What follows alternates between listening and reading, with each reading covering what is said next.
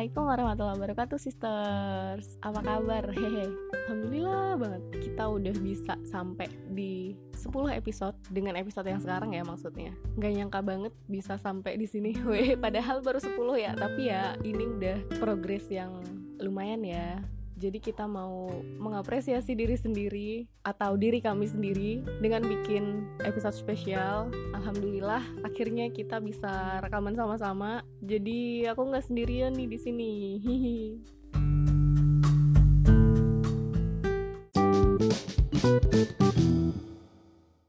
karena di 9 episode sebelumnya belum ada perkenalan. Terus ternyata di episode 9 teman kita ini udah bocor namanya, jadi ya udah spesial episode ke-10 kita mau perkenalan aja.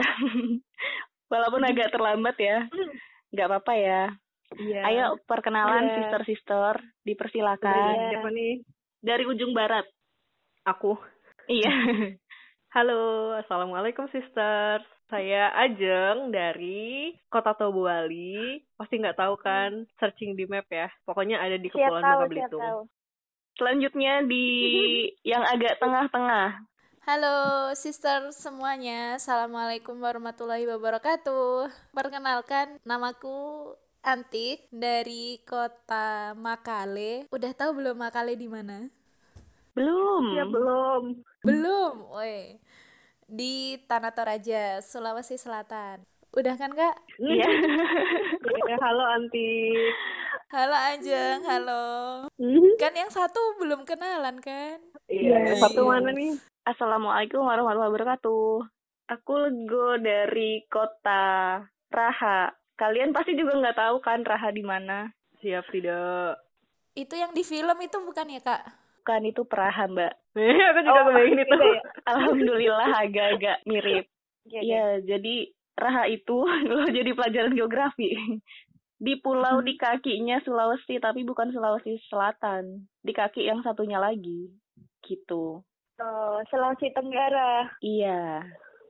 Gitu deh pokoknya. Nanti bisa lihat ya di Mantap. petanya tempat kita masing-masing segimana sejauhannya. Tapi alhamdulillah Bener. kita Iya. masih bisa teleponan. Terharu. Iya. Alhamdulillah. Iya, Alhamdulillah Teknologi, terima kasih ya Allah Alhamdulillah ya Allah. Nah, karena udah kenal nih, jadi kita mau Heeh. sedikit ceritain juga gimana sih kita bisa ketemu dan kok bisa dari ujung barat sampai tengah Indonesia kok bisa kenal dan ketemu gitu. Ayo, siapa yang mau jawab? Aku, aku, aku, aku, aku. Silakan Ibu Antik. Jadi dulu itu kami sekolah, sekolah ya, bukan kuliah ya. Iya, Oh, salah iya, iya, kuliah. sekolah. Sekolah, alhamdulillah. Sekolah di satu kampus yang sama di daerah Jakarta Timur tepatnya. Terus nggak tahu kenapa kodarullah gitu kami bertiga bertemunya di dalam satu organisasi gitu nggak sih Kak Ajeng? Iya, Iya. mungkin. Awalnya di Iya. satu organisasi, terus setelah itu kok Iya, jadi makin banyak lingkaran-lingkaran yang kita samaan gitu kan. Iya cocok Kak. Lanjut. Nah, Oke, kita lanjut. Iya, ya. Kan kita ketemunya dulu pas di kampus, terus ternyata after kampusnya kita jauh-jauhan nih. Kenapa sih kita mau bikin kayak gini? Kok aku jadi kayak nanya ke diri sendiri ya? Ya, terus atau ini aja latar belakang dari kalian kenapa menginisiasi podcast ini gitu. Tahu nggak sih, eh, aku tuh belum pernah cerita ini ke Ajeng ataupun Mbak Lego tahu. Eh, sebelumnya Apa itu, tuh? Apa tuh? sebelumnya kan ini kan kayak aku tuh punya project buat aku sendiri gitu loh, kayak nulis di WhatsApp itulah WhatsApp story itulah. Terus mencoba mencoba bikin itu jadi kayak oh kalau pagi atau malam ini jadwalku buat nulis gitu. Nah, tiba-tiba tuh entah pada suatu saat tertentu tuh kayak aku tiba-tiba kepikiran aja sama Mbak Lego. Nggak tahu kenapa, beneran. Sebelum iya, iya, seriusan. Terus aku gimana nggak kepikiran sama aku? Mbak Lego. Bentar aja, bentar. Iya, aku boleh. Lanjutin dulu, lanjutin. Ya lanjut. kepikiran kepikiran gini loh gara-gara dulu Ajeng udah pernah ceritakan kalau dulu Ajeng sama Mbak Lego itu punya project yang itu loh yang di Instagram. Iya kalau Ajeng inget, maksudnya langsung inget lagi sama Mbak Lego. Terus auto gitu loh. Ya Allah gimana kalau tiba-tiba aku pengen punya project sama kakaknya juga, sama Ajeng juga gitu. Beneran loh beneran. Oh iya, Beneran. seriusan. Seriusan, saya, ah, ah, seriusan. Kak, beneran. Ah. Terus beberapa hari setelah itu tuh beneran Mbak Lego dulu kan yang ngechat aku. Maksudnya kayak, Ah, iya ah. kan? Wah, Anting juga merinding pas itu. Maksudnya kayak, ah, Ah, pantesan pas itu antik gercep banget terus aku kayak aku sebagai yang ngecat duluan antik tuh kayak aku nggak siap aku cuman kayak baru yang kita ngapain yuk gitu kan tapi aku benar-benar nggak ada bayangan mau ngapain nih gitu. Wih, aku baru tahu. Heeh. Anjing juga dipikirin kok. Iya, iya habis itu kan yang yang nanyain terus habis itu antik bilangnya sama Ajeng aja apa? Gitu. Eh, aduh, aku, aku, aku, kan kan aku melewat. gitu kak. Iya latar belakang dari aku sendiri kayak gitu. Terus kalau dari Ajeng, Mbak Lego gimana? Kalau dari aku ya, dari Ajeng dulu ya aku tuh nggak paham ya kenapa tiba-tiba suatu hari Kak Lego itu bilang, Jeng bikin apa gitu yuk. Kak Lego ngechat aku di saat aku tuh masih hektik eh, baru Iya. awal-awal masuk kerja. Terus habis itu kan yang pas awal masuk kerja itu aku langsung kayak ada project itu. Nah, terus lagi hektik itu sama adaptasi di tempat kerja baru. Terus Kak Lego tiba-tiba bilang, Jeng bikin apa gitu yuk. Terus aku nggak seberapa ngerespon sih sebenarnya kayak aku lupa sih jawabnya apa ya yang jelas aku nggak seberapa ngerespon. Eh, terus aku bilang iya kak nanti ya atau gimana gitu. Pokoknya aku bilangnya nanti. Terus aku bilang juga nggak sih kayak nyaranin ya udah kak sama antik kayak gitu aku bilang kan. Tapi aku kayak nyerahin itu ke kak Lego sama antik aja yang ngomongin gitu. Ntar aku gabungnya yang pas udah selesai urusan urusanku kayak gitu. Terus ternyata kayak gitu eh iya ya ternyata connected ya kita ya. Iya masya Allah. Kayak kita satu sama lain tuh saling merekomendasikan ya lucu ya. Iya. Iya ya. Lucu banget ya. Mm-mm. ternyata. Habis itu apa lagi ya? Oh terus habis itu kenapa bikin podcastnya? Kenapa? Kalian kenapa tiba-tiba? Siapa yang kepikiran bikin podcast? Aku. Ajeng, Ajeng. aku aku pertama kali. Pertama kenapa kali. jeng kenapa? Kenapa jeng oh iya ya heeh. kenapa ya oh aku ingetnya karena aku tuh kan belum dapet kelompok liko yang pas liko itu kan aku ngedengerin orang terus aku juga Heeh. ngomong kan ada giliran yang aku ngomong ada giliran yang ngedengerin Heeh. Nah, aku tuh kayak kangen banget kayak gitu. Terus akhirnya aku ngusulin podcast karena podcast itu yang paling sering aku dengerin akhir-akhir itu. Dan kayak gimana ya, podcast itu menurutku lebih eh lebih gampang didengerin yang pas kita ngelakuin banyak hal. Jadi misal kalau nonton itu kan cuma harus fokus ke nonton, sedangkan kalau podcast itu kita bisa fokus ke banyak hal gitu. Bisa dibareng-barengin kayak gitu. Misalnya pas lagi bersih-bersih kita dengerin podcast atau pas lagi apa dengerin podcast. Nah, aku tuh pengen kayak apa ya? Sebenarnya lebih ke aku yang lebih pengen ngedengerin sih. Jadi kan kayak kita kan ganti-gantian. Nah, aku tuh lebih pengen ke dengerin nasihat-nasihat, wejangan gitu dari eh, eh, dari teman-teman gitu. Teman-teman begitu. Aku sih awalnya pengen ngurusin diri sendiri awalnya ya, bukan mau sharing ke yang oh sama lain. ini sama klub buku tahu kan kamu Oh, iya, udah pengen itu dari zaman kapan tahu Ya bener. Aku pengen punya book club karena rasanya tuh kalau nggak ada teman bacanya tuh kayak hambar gitu eh. Iya, kadang apa namanya putus asa di tengah-tengah, enggak ya? iya aku gitu Iya, kok bener. kayak udah teralihkan sama yang lain kayak ya udah gitu bukunya ditinggalin Mm-mm, mm-mm. Apalagi dunianya udah beda sama kuliah dulu ya. Maksudnya kayak ada tanggung jawab yang kita selesaiin sendiri jadi kayak ya itu waktu luangnya Fokusnya biasanya kepecah. buat eh, eh, buat yang lain-lain. Kalau yang lain gimana? Kenapa kalian setuju? Kan yang pas itu aku kayak cuma nyeleneh kan. Udah bikin podcast aja gitu. Kayak komentar kosong. Terus yang lainnya eh tiba-tiba pada iya iya. Aku tuh nggak yakin kalau sebenarnya pada bakal setuju. soalnya Oh iya. karena ngekspos suara kan aku pernah nanya ke Antik ya kok Nah, kemarin itu kalau alasanku sendiri sebenarnya ikut-ngikut Ustadz Felix sama trenernya yang lain kan, trainer yuk ngaji yang lain itu kan pada bikin podcast semuanya dari mulai Hawariun, Sifrun, Fuad Naim, Daya Ganggu gitu. Sampai yang aku excited banget ternyata Tehkon juga punya gitu.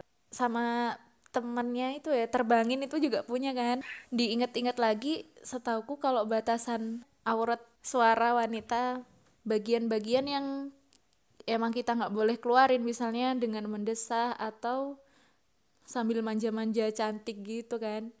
Ya kalau ngomong biasa ya biasa wae atuh diteges-tegesin gitu kak bilangnya. Ya sama aja kalau kita ngomong di depan kelas kan. Oh. eh di depan kelas. ya iya di halayak umum gitu loh. Ya kan tetap ngomong gimana cara ngomongnya gitu. Pun kalau misalnya apa suara wanita itu sama sekali nggak boleh didengerin sama orang lain gitu ya. Pas zamannya Umar bin Khattab itu pasti kita ini familiar sama ceritanya yang ada wanita protes karena maharnya di ada standar mahar gitu pas zamannya Umar bin Khattab gitu. Kalau pas itu suara wanita nggak boleh sama sekali didengar pasti nggak boleh ada kan suaranya ibu itu gitu. Iya benar. Iya. Iya iya. Oh, zamannya Rasulullah juga sama sih Kak, kayak banyak sahabiah yang bertanya juga kan. Jadi harus dijaga ini suaranya ini. Yup. Iya. kalau kakak sendiri dari sisi kakak gimana kak Kalau dari aku sebenarnya tuh aku udah pengen bikin dari kapan ya? Dari awal-awal aku dengerin podcast tuh udah lama banget. Cuman kan aku ini karena ngerasanya kayak tadi aja masih yang ragu-ragu selagi kita bisa ngejaga suara kenapa enggak kayak gitu loh. Em, kayak ya boleh sih tapi selagi akunya bisa ngejaga kenapa enggak? Kayak gitu. Jadi mendingan tertutup dibanding terbuka kayak gitulah. Walaupun emang boleh gitu kan. Terus jadinya aku ngerasa nggak cocok nih kalau misalkan kalau aku ngajakin kita bikin podcast di project yang aku sama Ajeng. Karena itu kan kayak apa ya hmm, ukti-ukti gitu-gitu lah ya nah sedangkan aku ngajakinnya sebenarnya di project aku sama temenku yang di yang lain gitu. Yang itu kalian tahu nggak sih? Yang data bicara itulah ya.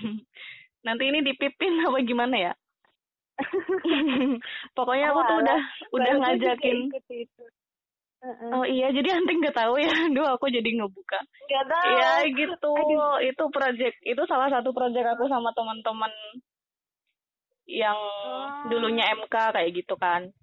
Nah terus aku udah ngajakinnya itu dari kapan ya? Aku mulai ngedengerin podcast tuh.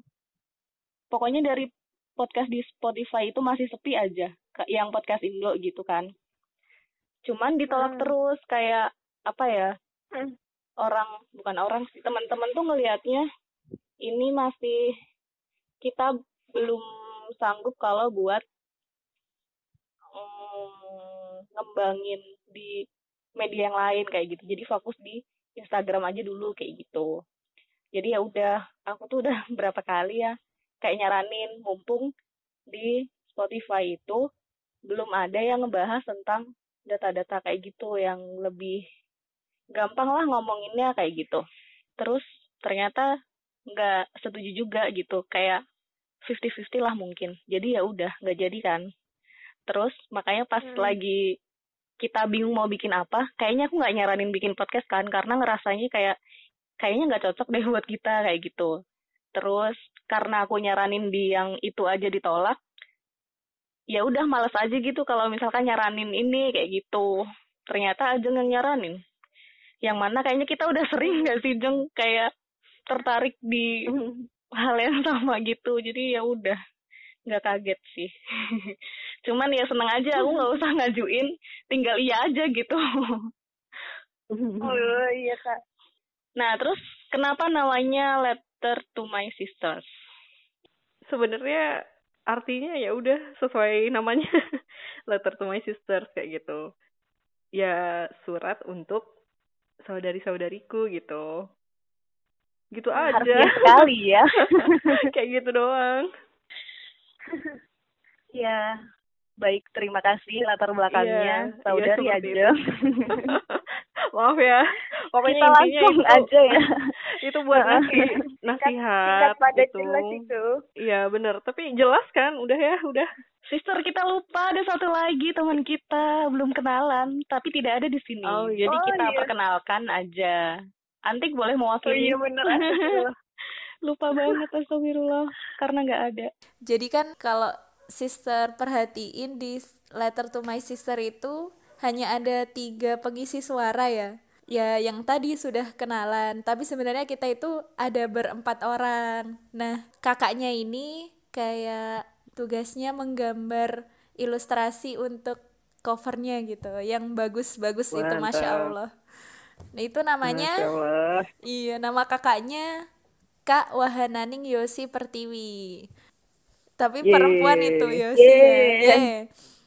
Kakaknya sama dari Halo Yosi. Iya, halo Kak Yosi. Kakaknya dari sama kayak aku dari Makale, Tanah Toraja. Jadi kami se itu tuh sekantor. Masya Allah. Oh iya kita aslinya bukan dari tempat-tempat ini ya. Tapi kita Oh iya, pastinya dari situ kok. Eh, enggak, tapi bukan kita di kotanya. kabupaten. Mm-mm. Iya, benar. Iya, kita merantau non jauh di sini. Nah, nah. Jadi kalau sister-sister ini memperhatikan, kita itu garis besarnya ada dua yang kita bahas nih tiap minggunya, yaitu ada review buku sama yang satunya ayat-ayat yang menurut kita lagi ngena atau relatable. Untuk minggu ini karena ini spesial, jadi kita hantam semuanya. jadi kita mau bahas buku juga sama ayat yang relatable juga mungkin belakangan ini. Nah, siapa yang mau cerita duluan? Krik krik krik. Ajeng tok TikTok. Ajeng, Ajeng. Ajeng lagi. Jadi Ajeng lagi bahas apa? Eh, lagi bahas apa? Lagi baca apa? Kalau sekarang lagi baca buku Start with Why yang ditulis sama Simon, aku nggak tahu baca namanya. Pokoknya aku baca yang ketulis ya, Simon Iya. Sinek. Terus juga aku baru mulai baca. Nah, aku nih tipikal orang yang kalau baca itu setengah terus baca buku yang lain terus ntar lanjutinnya kapan-kapan gitu. Karena gampang Hmm. bosen nggak bisa nggak bisa nentasin kecuali dia emang bukunya satu cerita satu alur kayak gitu kan. Tapi kalau untuk buku yang emang kepisah chapter-chapternya aku lebih cepet bosen. Jadi biasanya aku lanjut ke buku lain terus habis itu balik lagi kayak gitu. Terus buku yang kedua yang aku baca sekarang itu buku Maybe You Should Talk to Someone yang ditulis sama Lori Gottlieb. Terus, eh kita bukannya mau bahas tentang buku favorit ya? Oh, favorit ya? Bukan yang ini, Mas. Salah briefing. Mohon maaf ya, MC-nya salah briefing. Gak apa-apa, Kak. Gak apa-apa, Kak. Oke. Jadi, Oke. tadi kan Ajeng lagi cerita buku yang lagi dibahas. Kalau buku favorit, Kalau buku favorit, sebenarnya ya aku udah nginget-nginget dari tadi, tapi aku lupa. Hmm. ketika aku kecewa dong. aku tuh suka lupa. Jadi aku sekali baca buku, udah tamat, udah itu nggak berapa lama kemudian lupa Oh, gitu. iya, Tapi iya, iya. Oh, Paham, iya, iya. Heeh, gitu. Tapi biasanya Terus tuh kalau buku yang sering diulang-ulang bacanya? bentar dulu Kak, belum belum selesai. Oh iya, boleh. Yang aku inget itu gimana ya, yang buku yang paling cepat aku baca, yang cepet amat atau yang paling aku enjoy yang pas baca walaupun sekarang aku udah lupa isinya apa. Itu Iya. aku bagi jadi dua nih, buku fiksi sama non fiksi. Kalau fiksi Iya. itu ada buku eh, Lapis-lapis keberkahan yang ditulis sama Ustadz Salim Hmm. Afilah. Itu aku suka Iya. banget baca buku itu. Aku ingetnya aku pas baca buku itu tuh aku enjoy banget. Dan karena dia tuh ngecover ilmu-ilmu psikologi juga ilmu-ilmu agama jadi aku suka banget sama buku itu. Yang pas baca itu kayak langsung gresep gitu loh kayak ngeh oh ini di kehidupan nyata kayak gini gini gini gitu. Gitu. Itu baru buku Kalau fiksi ya. yang Hah? belum belum. Oh, itu Jadi- termasuknya di fiksi ya? eh salah ya? Non fiksi ya? Non fiksi. salah salah. Non-fiksi. kebalik kebalik oke jadi Iya, non fiksi itu Heeh. Hah? Iya, yang non fiksi buku buku eh buku lapis-lapis keberkahan ya, yang ditulis Heeh. sama Ustadz Salim Afilah. Terus ada Mm-mm. juga yang buku Make Your Bed yang pernah aku bahas di podcast episode sebelum-sebelumnya. Ini juga menurutku bagus karena aku bacanya tuh dengan hati yang calm gitu. Jadi kayak rasanya tuh sep-sep masuk gitu ilmunya. Terus Hmm. juga ada buku Seni Tinggal di Bumi yang ditulis sama Teh Farah Konita itu bukunya menurutku tuh relatable sama kondisi aku. Kita tuh sering concern sama hati dan di situ banyak dibahas tentang hati gitu. Terus, eh, nah ini buku yang akhir-akhir ini aku baca itu kan Start With Why. Itu juga jadi salah satu buku favorit aku sih sekarang. Karena dia ngebahas kita tuh harus balik lagi nih ke kenapa kita ngelakuin ini, kenapa kita ngelakuin itu. Jadi kayak ibaratnya tuh di awal kan kita diajarin buat niat sebaik mungkin gitu kan. Nah itu juga kayak sejalan gitu loh dengan apa yang diajarkan sama kita di di agama kita gitu maksudnya. Gitu. Makanya aku suka sama buku yang Start With Why ini. Itu buku yang non fiksi ya. Kalau buku fiksi itu aku juga udah lupa sebenarnya ceritanya apaan. Tapi yang jelas tebelnya rata-rata tebel gitu ya. Aku ingetnya ada yang sampai 1000 halaman, ada juga yang sampai kayaknya 700 atau 600 halaman. Nah, ada dua. Yang pertama itu buku Nibiru yang ditulis sama Tasarogeka. Oh iya. Ya, Heeh. ini salah satu buku yang aku inget aku bacanya tuh seneng banget gitu. Karena kayak di awal tuh aku udah dikasih tahu kan sama temen kalau ada nama-nama surah Al-Quran di dalamnya. Terus aku penasaran kan di mana ini surah Al-Qur'annya kok nggak ada? Ternyata ada gitu. aku udah ketemu di mana kayak gitu. Makanya aku seneng ya pas tahu oh iya ini tentang ini tentang ini kayak gitu. Yang kedua ini buku To Kill a Mockingbird. Ini bukunya tebel, terus kayaknya yang pas aku baca tuh bahasa Inggris. Tapi aku tuh bacanya seneng aja gitu karena dia cerita tentang masa lalu, tentang peristiwa yang rasis-rasis gitu yang pas zaman dulu di Afrika kalau nggak salah ya. Aku ngehnya aku dapat banget kehangatan eh kehangatan dari novel itu kayak menjalar ke seluruh tubuhku eh. Ada lagi? Udah itu sekian. Terima kasih. Hmm, banyak ya. Iya, soalnya Banyak aku nggak ya. bisa milih Iya iya iya. dan nggak bisa Iya, ingat isinya. Terus kamu masih baca-baca ulang itu bukunya? Eh, enggak. Apa ya buku yang aku baca Tapi kamu ulang? masih inget kamu suka gitu? Iya, aku ngehnya dari perasaan kalau kata Marie Kondo nih, cari buku yang Oh, spark iya, yang joy. spark joy. Jadi Iya. aku inget-inget ya apa gitu ya. Terus Iya. ingetnya yang beberapa buku itu. Oke, Kak. Jadi aku beda sama Ajeng. Maksudnya tipe Tidak apa-apa. Beda haluan. Iya, beda haluan. Iya. Ini Kak, sebenarnya Kak Ajeng sebenarnya Antik tuh lebih suka buku yang ini loh, punya alur cerita. Jadi kayak Oh. eh, apa ya? Sik, sik, sik, sik, Iya, gitu. jadi dari cerita-cerita itu kita itu bisa mengambil hikmahnya gitu. Paling seneng tuh buku yang kayak gitu. Jadi aku akan mengawalinya dari buku yang fiksi dulu. Nah, ada tiga tiga buku yang sampai sekarang tuh aku masih ingat gimana Kok pada banyak-banyak sih? Iya, film. Enggak kok Kak, nanti yang fiksi aku dikit pas eh, yang non fiksi aku dikit. Oh iya. Nah, yang apa namanya? Yang bekas gitu kan, perasaannya gimana pas baca itu? Iya. Ada tiga. Yang pertama itu yang Toto-chan. Iya ya. Iya. Iya, iya. ya. Aku udah pernah suka minjem. ya. Pas baca buku Toto-chan itu gimana ya? Kayak meskipun yang aku baca itu terjemahan ya, kan terjemahan tuh biasanya bahasanya agak gimana, tapi kayak feel-nya tuh dapet gitu loh dalam. Masya Allah itu yang nulis.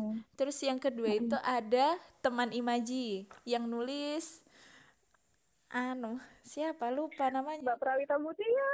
Iya nah itu itu itu yang itu. Kok kamu lupa sih? Aku kecewa sebagai fans yang aduh kak. Maaf kak. Lupa aku. Ya. tahu gak sih di teman imaji itu sebenarnya kan ini kan em, kalau aku nggak salah nangkap ya kak Ajeng kayak konflik utamanya itu konflik batin sebenarnya. Eh maksudnya percintaan gitu loh romance. Tapi somehow kakaknya itu nulisnya dari segi apa ya idealisme si tokoh utama jadi penulis gitu. Kayak ada diselipin yang lain-lain terus jadi bagus aja bukunya. Suka. Terus yang Iya, terus tulisannya ini banget kan hidup banget. Iya hidup. Kayak iya beneran kita bisa bayangin bayangin dia gimana UI kan itu latarnya UI kan?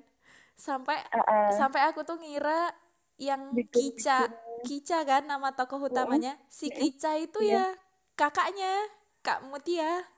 Iya, Iya. aku mikir gitu juga. nah nggak tahu sih nggak tahu itu bener atau salah ya. Iya. terus suami yang sekarang itu beneran tokoh lawan mainnya itu yang beneran kakaknya temuin atau bukan nggak tahu.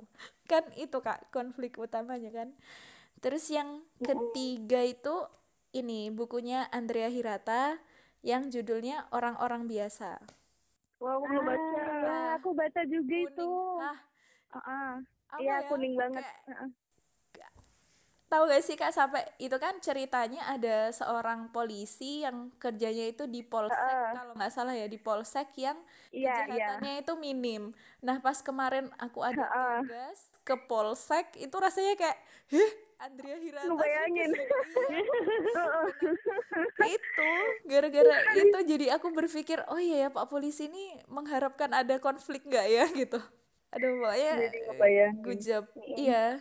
Apa Andrea Hirata tuh bukunya selalu ini sih, selalu juara. Tapi yang paling aku senengin orang-orang biasa. Cuman butuh waktu dua hari kalau nggak salah kak, udah selesai itu orang-orang biasa. Heeh. Mm-mm. Terus kalau yang ini nih, yang agak ahem ya, fiksi. Eh, non fiksi, non fiksi, maaf. Kalau non fiksi yang pernah ku baca itu genrenya kalau nggak salah ada masih tiga, eh sama lain-lain deh empat genre bukunya Oh, itu masih. kak. Eh apa sih? Ke, Oh, iya, aku iya. kelompokin ke empat. Yang pertama Oh, itu iya. kan buku ini nih, apa namanya? Kayak pranikah gitu. Itu yang paling banyak ku baca. Terus yang kedua itu Apa tuh? parenting. Enggak, Ah. kelompok yang Oh, kedua iya. itu parenting. Terus kelompok ketiga biografi. Biografi itu masuk apa ya? Non fiksi kan ya? Biografi ya, non fiksi. Iya, biografi sama yang lain-lain. Lain-lain tuh kayak yang nggak bisa dikelompokin ke tiga tadi. Dari dari empat kelompok tadi ya, kalau yang pertama pranikah nih, mungkin ada sister yang pengen ini kan sama-sama mempersiapkan mungkin ya. Yang paling the best menurutku dari beberapa buku yang ku baca itu tetap bukunya Ustadz Salim Afilah yang judulnya Barakallahu Laka, yang merah pokoknya. Hmm. Ya itu bagus isinya kayak buku apa ya dari beberapa buku diramu jadi satu gitu loh. Jadi kayak baca itu aja kayaknya udah bisa mikir dalam mau apa nanti. Yang kedua, kelompok kedua itu kan parenting ya. Parenting. Nah, aku pernah baca dari mana atau denger dari mana kalau parenting itu sebenarnya kan banyak eh, ma- banyak mazhabnya gitu kan. Nah, jadi kalau kita nge-match match sama banyak mazhab takutnya kan bingung. Jadi kemarin Antik itu masih baca mazhabnya yang dipakai sama Ustadz Faudil Fauzil Adim. Hmm, iya ya. Ya, Hmm. yaitu buku Yang? yang segenggam iman anak kita. Aku paling suka itu. Ah, iya iya. Iya. Terus sama yang kelompok ketiga tadi biografi ya, biografi. Biografi itu yang paling aku suka biografinya ini. Aduh nyebutin tokoh ya, Sandiaga Uno. Iya, bener aku tebakanku. Iya. Oh iya, siapa itu? Ajeng atau Kak Lego? Iya, aku, aku. Ajeng ajeng. Emang Ajeng. suara kita mirip ya? Iya mirip, mirip. Hampir sama. Oh, iya iya. Terus yang lain-lain yang lain-lain nih ada yang masalah ini loh kayak muamalah jual beli hubungan kita sama manusia kan ada Uh-uh. yang jual beli ada Uh-uh. yang masalah Mm-mm. akhlak masalah bla bla bla itu yang paling aku suka yang lagi ku baca kak sekarang bukunya judulnya itu A Thinking Person Guide to the Truly Happy Life iya Ah, lo aja nggak tahu kalau Antik lagi baca itu tahu kan? Udah tahu tahu dong. Nah. tahu aja gitu Aku tahu mau kemarin. beli itu buku. Iya, yang nulis itu Prince Ghazi bin Muhammad. Jadi dia itu di bukunya bagusnya apa sih? Dia itu kayak ini loh, jelasin kan apa itu hidup kayak gitu. Kayak basic banget, basic banget alasan kenapa kita hidup, apa itu hidup, terus hidup yang senang itu bagaimana kan tadi happy ya. Terus kebahagiaan itu Iya. apa, bla bla bla gitu. Terus yang bagus lagi adalah di dalamnya itu kan bapaknya membahasnya dari sisi Al-Qur'an kan. Terus dibandingin tuh, dibandingin sama kitabnya Nasrani, misalnya kayak Matius, terus apa lagi ya? Nggak hafal aku namanya. Apa? Sama ini pendapatnya eh, ar- pendapatnya pemikir zaman dulu kayak Plato, Aristoteles gitu. Jadi kayak eh, bagaimana Al-Qur'an itu ternyata mampu memiliki definisi yang lebih tajam dari yang tadi. Jadi kayak perbandingan-perbandingan menurut ini, menurut ini gitu. Jadi buku ini menurutku ya nggak cuman bisa dibaca orang muslim tapi bisa banget dibaca sama agama yang lain atau bahkan yang nggak bertuhan sekalipun bisa dibaca Hmm. bagus Pengen baca. iya bagus terus bukunya tipis berapa halaman ini ya Oh seratusan iya. iya bukunya itu tipis Kirain bakal tebel. tipis banget Gampang dicerna nggak bahasanya? gampang jadi penjelasannya itu kan sedikit-sedikit gitu ya kak Ajeng tapi kayak Heeh. berbobot gitu loh kata-katanya dan di akhir bukunya ada summary-nya. Summary dari setiap chapter. Misalnya eh, eh, apa itu hidup? gitu ditulis lagi di belakang. Hidup adalah gitu. Gitu. Udah kak dari antik udah banyak toh? Udah pernah dibaca Banyak semua itu banget, toh masya Allah. udah pernah Lanjut dibaca kak. Banyak banget. Aku buku favoritnya nggak ada yang secara apa ya, secara langsung mm, religius atau gimana gitu loh. Soalnya Mm-mm. kalau yang kayak gitu lebih bacanya ya ya udah gitu. Nggak tahu yang rasanya itu ya udah dibaca aja. Jadi nggak yang bener-bener sampai ngerasa favorit apa enggak ya emang udah harus dibaca kalau aku ngerasanya ya. Maksudnya buat Oh. nyeimbangin pikiran kita gitu gak sih? Jadi Iya. nggak tahu dah poinnya gimana pokoknya gitu.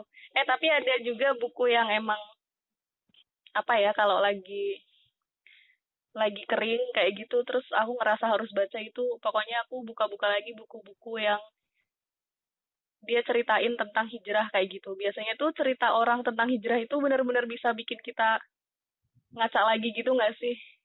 Terus Oh, jadi iya. bikin kita nge-charge imannya kayak gitu Terus kalau buku yang favorit banget banget banget nomor satu itu teman Imaji yang tadi Antik udah cerita. Aku sampai beli Yeay, dua bukunya, eh dua bukunya. Kan Apa ya kak? kan mbaknya ini kan apa namanya nerbitin yang cover baru tuh karena lucu ya udah aku beli lagi. Serius? Oh serius. Dengan isi yang sama ya, dengan isi yang Nah, aku sama. mikirnya siapa tahu ada yang beda gitu, tapi ternyata cuman beda layoutnya. Tapi menurutku lebih enak dibaca yang pertama karena kan aku anaknya agak visual gitu ya ingatannya. Jadi udah terlanjur keingetnya layout yang pertama. Jadi ngebaca yang kedua malah nggak enak gitu. Lebih nyaman yang pertama. Oh. Terus itu buku fiksi. Oh, kalau buku fiksi yang lain selain eh kalau seni tinggal di bumi itu apa ya yang masuknya? non non fiksi nggak sih yang bukunya koon eh iya ya itulah pokoknya Non-fiksi. itu aku juga suka baca tapi dia bacanya satu persatu karena dia kan tulisannya pendek-pendek gitu ya jadi kayak sesuai mood aja mau Iya. bacanya gimana gimana gitu kan. Terus bukunya Fatpah Depi yang hijrah Bang Tato sama terus tadi itu Bumi Hijrah bukunya Teh Karin. Kalian udah baca belum? Teh Karina Belum. Hakman belum. Iya. Itu bukunya yang itu ya. Ini bukunya Apa, bagus banget deh tadi? Bumi Hijrah hmm. Ah, ah, nah, ini aku Oke. dikasih sama temenku yang bikin terbangin itu. Masya Allah, senang banget aku dikasih ini. oh iya Nah, terus Hmm. ini tuh, eh kalian harus baca ya besok. Tapi ini sekarang udah udah berhenti dicetak. Jadi mau ada cetakan keduanya, cuman katanya isinya nggak securhat ini. Tapi aku seneng dapet yang ini karena ini kan ceritanya tetehnya lebih curhat ya, jadi lebih keluar dari dalamnya kayak gitu kan. Mungkin karena itu juga aku bacanya jadinya lebih emosional gitu. Lebih kerasa feel-nya aja beliau gimana hijrahnya, gimana perjuangannya kayak gitu. Terus di sini beliau itu ceritain segimana struggle-nya beliau buat ngafal kayak gitu. Kayaknya aku jarang deh baca buku yang orangnya tuh beneran cerita segimana beliau sampai eh dari awalnya mm, belum kenal Al-Qur'an sampai yang ketagihan kayak gitu kayak udah sandu aja gitu Al-Qur'an mah kayak gitu. Hmm. Jadi aku seneng gitu. Hmm. Jadi kayak hmm, Iya. Bumi hijrah semangat lagi buat ngehafalnya gitu. oh Bagus banget deh. Semoga aja sih di cetakan keduanya tetap bagus. Ya iyalah ya, insya Allah ya. iya amin Tapi belum tahu nanti keluarnya dijual. kapan. Hmm? Di kayaknya dijualnya dia indie deh. Kalau kemarin Oh. itu kata temenku dia dapatnya langsung dari tetehnya. Jadi nggak tahu kalau misalkan mau eh karena ini kan udah selesai dijualnya ya. Maksudnya udah tinggal tunggu yang cetakan kedua keluar. Jadi mungkin nanti dijual di Hmm. Instagramnya gitu sih. oh ya deh. Mm, gitu. oke Terus itu buku fiksinya kayaknya aku nggak terlalu terus kalau buku yang non fiksinya yang pertama Problem Solving 101. Ajeng tahu pasti ini. tahu Bukunya Ken Watanabe. Ini buku Iya, anak-anak ya bagus. kalau di sana. Jadi dia ceritain, aku sebenarnya udah agak lupa sih tentang em, gimana orangnya ini menceritakan buat gimana kita bisa problem solving tapi aku masih ngeh gitu jadi kita harus me, me- apa ya jeng namanya? Me, memetakan permasalahannya terus habis itu dicari akar masalahnya terus habis itu di diapain jeng? Fine. aku lupa isinya gimana.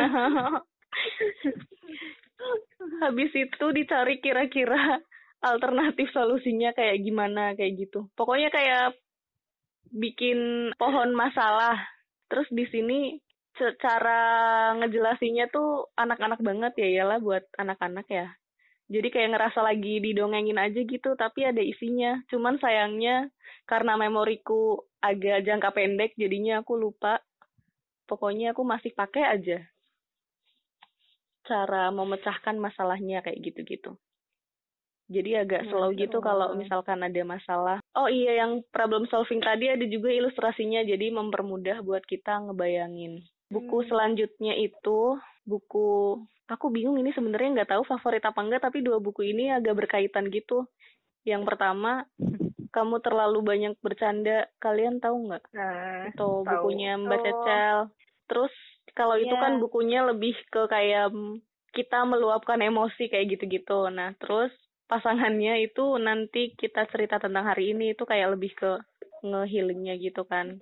Terus itu buku dua sebenarnya kayak bisa dibaca cuman dalam setengah jam gitu kan. Tapi karena ilustrasinya bagus jadi aku masih suka baca-baca aja. Oh, ada satu lagi judulnya Journal of Gratitude. Kalian tahu nggak? oh ya Itu bukunya kecil, kompak banget. Penulisnya Sarah Amijo tulisannya, tapi nggak tahu dibacanya apa. Entah Sarah Amiyo atau Amijo juga. Kalau Journal of Gratitude ini juga sama aja sih buku ilustrasi gitu. Terus tipikal yang bisa dibaca dalam 10 menit. Karena setiap halaman isinya cuma satu kalimat. Tapi itu bener-bener Oh, iya. bisa bikin refleksi gitu sih di akunya. Terus gambarnya lucu banget. Jadi kayak misalkan di sini bersyukur karena diciptakan dengan suatu tujuan yang khusus kayak gitu. Jadi masing-masing kita diciptakan itu ada tujuannya kayak gitu. Nggak sembarang diciptakan kayak gitu. Tapi menurutku itu mungkin sebenarnya artinya bisa general banget ya. Cuman kita bisa mikirin lagi tentang tujuan penciptaan kita dari Allah kayak gitu. Sebenarnya apa sih tujuan kita diciptain sama Allah kayak gitu? Apa cuman buat menuh-menuhin isi bumi apa cuman buat makan tidur rebahan kerja kayak gitu-gitu aja atau ada yang lainnya kayak gitu. Jadi tergantung kita gimana ngeelaborasiinnya aja kayak gitu. Kayaknya udah deh itu yang bolak-balik aku baca.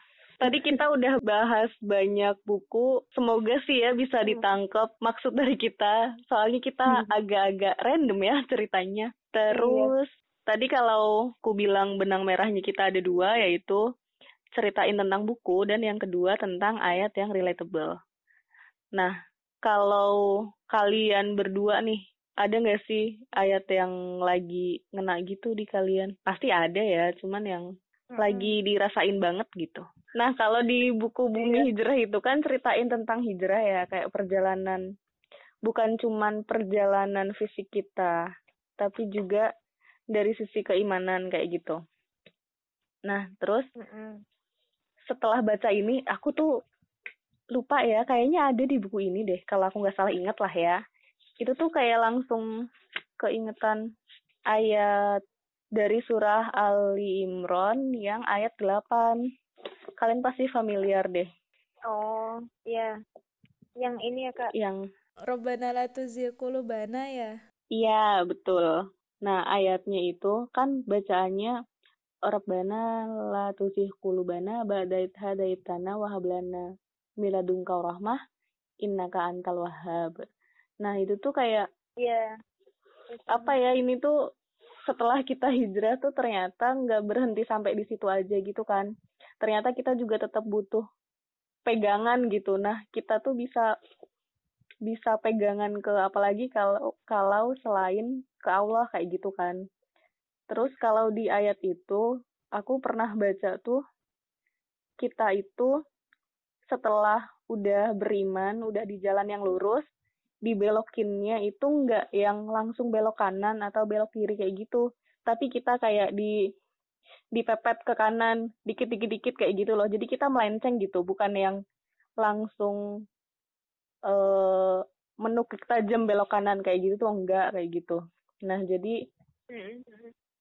kayak di ayat itu ngejelasin kayak gitu terus jadi biar kita bisa tetap kembali ke jalan yang lurus kayak gitu ayo siapa lagi yang mau ceritain ayat Em, ini sih Kak, kayak sebenarnya semua ayat di Al-Quran tuh kan harusnya jadi favorit kita kan. Maksudnya kayak oh yang harusnya relate sama Iya. kita, cuman mungkin karena hatiku yang kotor aja atau gimana, jadi kayak yang nyantol tuh masih satu dua tiga empat Itu, gitu. mm-mm. Cum- ya itu gitu. Terus ada satu ayat ya yang sampai sekarang tuh sampai ini kak apa ya kayak keinget terus kalau misal mau ada sesuatu apa yang membahayakan atau ngerasa kita bakal masuk ke sesuatu yang berbahaya gimana sih? Pokoknya yang membahayakan diri gitu ya. Itu keingetnya sama surat Yusuf ayat 23 yang bagian qala ma'adzallah kayak di ayat itu kan sebenarnya Nabi Yusuf kayak itu loh yang ceritanya dikejar-kejar sama istrinya raja yang suka sama beliau. Alaihi salam terus pas apa namanya em, semua pintu dikunci terus cuman ada hanya ada dua orang di situ terus sebenarnya kan Nabi Yusuf juga Nabi Yusuf alaihissalam juga suka gitu kan punya kecondongan sama ratunya ini tapi inget terus langsung baca tadi qala ma'adallah kalau artinya itu di Al-Qur'an terjemahan kayak ini aku berlindung kepada Allah gitu. Jadi kayak eh, dengan sebenarnya kita tuh cuman butuh satu hal gitu. Cuman butuh Allah aja. Dan itu tuh kalau kita beneran mengucapkannya dengan yakin dengan apa ya 100% sadar benar kita minta perlindungan sama Allah tuh bakal semua bahaya gitu. Apa ya? Semua bahaya yang melintang tuh dihindarkan gitu kak. Ya kecuali kalau Allah pengen kita punya itu ya experience lain dari bahaya itu ya ya nggak tahu. Maksudnya kayak kan kita ikhtiar dulu kan ya gimana caranya biar Iya. biar dihindarkan dari bahaya. Nah itu kayak ya itu Nabi Yusuf tuh memintanya sama Allah pakai perkataan itu aja dan terbuka semua pintunya weh pintu yang udah kunci tadi yang berlapis-lapis itu kebuka semuanya. Terus sadar kalau ternyata wah ini tuh salah gitu. Kamu bukan istriku weh kamu bukan istriku. Gimana sih kamu nggak halal buat aku gitu? Ini tuh kayak ini nggak sih apa sebenarnya kayak ayatnya em, relate sama kehidupan sehari-hari yang di mana perempuan kan aku perempuan kak. Iyalah Iya, iya, kita perempuan. kita perempuan. Kita perempuan yang bisa aja dalam apa yang lemah banget masalah godaan perasaan atau baper gitu kan. Masalah hati gitu masalah ya. hati. Nah ini tuh sebenarnya kayak ayatnya relate banget kalau misal udah mulai ada sengatan-sengatan yang seharusnya tidak perlu bisa dibaca biar diselamatkan sama Allah dari sengatan-sengatan yang tidak perlu gitu. Masya Ya, Allah. Jadi perisai gitu ya. Ah? Iya, Jadi perisai gitu Iya. ceritanya. Iya, biar apa namanya? eh, mungkin bisa jadi bukan pintu fisik yang kita hadapi sehari-hari gitu ya, tapi Mm-mm. penghalangnya itu ada di dalam hati gitu. Jadi kayak membukakan Iya. lagi biar mata batinnya itu bersih lagi. Lanjut Berarti ke aku lanjut ya. ke Lanjut, barat lanjut ya. Oke, Barat. Eh, kalau aku gimana ya? Sama sih kayak yang pendapat-pendapat sebelumnya tuh emang ayat favoritnya itu ganti-ganti, bukan ganti-ganti sih. Kayak gimana ya? Tiap belajar baru aku oh ini jadi favorit aku Iya. kayak gitu, tapi tiap belajar baru jadi favorit Iya. lagi gitu. Karena emang segitu sukanya ya. Eh, tapi Mm. yang gimana ya yang suka yang paling relate buat aku tuh adalah ayat di surat Al-Muzammil. Hmm, Nah, ini Iya. Eh, kalau baca terjemahannya aja sebenarnya kayak oh ya disuruh tahajud sama Allah gitu kan. Nabi eh, Muhammad Shallallahu alaihi wasallam disuruh tahajud gitu doang. Nah, terus eh tapi setelah aku tahu kenapanya di belakang itu kenapa disuruh tahajud, aku tuh jadi kayak oh iya aku juga harusnya lebih rajin tahajud gitu loh. eh Mm-mm. karena eh, jadi di sini nih latar belakang turunnya surah Al-Muzammil itu karena kan eh, Rasulullah itu yang pas pagi sampai siang sampai sore yang itu kan banyak kerjaannya yang diurusin ya. Nabi Muhammad itu kan ngurusin banyak hal.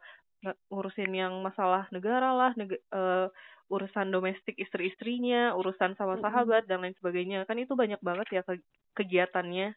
Dan kita kalau di tempat kantor aja sering terluka gitu loh eh hatinya gitu maksudnya sering terluka. Eh Capek gitu. eh, eh, mm, capek iya tapi juga misal ada perkataan orang yang kayak gampang terluka gitu loh kitanya. Ada perkataan entah siapa yang bikin kita kayak hatinya tuh lecet dikit gitu. Tapi kan karena urusannya banyak jadinya lecetnya dikit dikit dikit jadi banyak gitu kan. Mm, mm-mm. Terus eh kan bahaya ya kalau seandainya hati itu lecet dikit apa kan ada yang hadisnya tuh Mm-mm. bilang kalau eh, noda dikit dikit dikit di hati itu bisa bikin hati hitam gitu kan Iya. Mm-mm. Nah, iya, jadi kesehatan hati itu penting banget. Nah, Allah itu eh udah kayak mikirin oh Nabi Muhammad SAW tuh bakal bakal sakit hati karena ini ini ini. Apalagi Nabi Muhammad itu hatinya lebih lembut daripada hati-hati kita karena orang semakin semakin tebal imannya itu, hatinya pun semakin kayak lemah lembut gitu loh. Karena mereka tiap melihat keburukan sedikit hatinya tuh udah kayak luka ada yang salah gitu loh di hati mereka. Mereka tahu apa yang salah gitu. Nah Nabi Muhammad kan orang yang paling baik gitu ya. Jadi Mm-mm. otomatis hatinya juga lebih rentan. Makanya Allah itu nurunin surah Al-Muzammil ini karena sebenarnya aneh sih ya kalau kita pikirin kita kan udah sakit hati pagi-paginya ya udah kita kan butuh istirahat gitu di malam harinya ya udah Iya. tidur gitu kan tapi eh malah disuruh bangun tahajud kenapa tuh karena di malam hari itu kan Istirahatnya kita, oh bukan. Ah, ah. Iya. karena di malam hari kita bangun Iya, tahajud eh, eh, kita kan Nabi Muhammad itu diperintahkan untuk eh, eh, melembutkan bacaannya terus bacaannya katanya yang paling baik pada malam itu kan gitu. Jadi Iya. kayak itu tuh the best time untuk curhat ke Allah gitu. Jadi yang pas kita curhat curhat di malam hari itu ya udah apa yang jadi luka-luka di pagi siang sore itu keangkat dan Allah yang bakal angkat terus disimpan sama Allah terus dihapuskan dari hat- hati Nabi Muhammad SAW.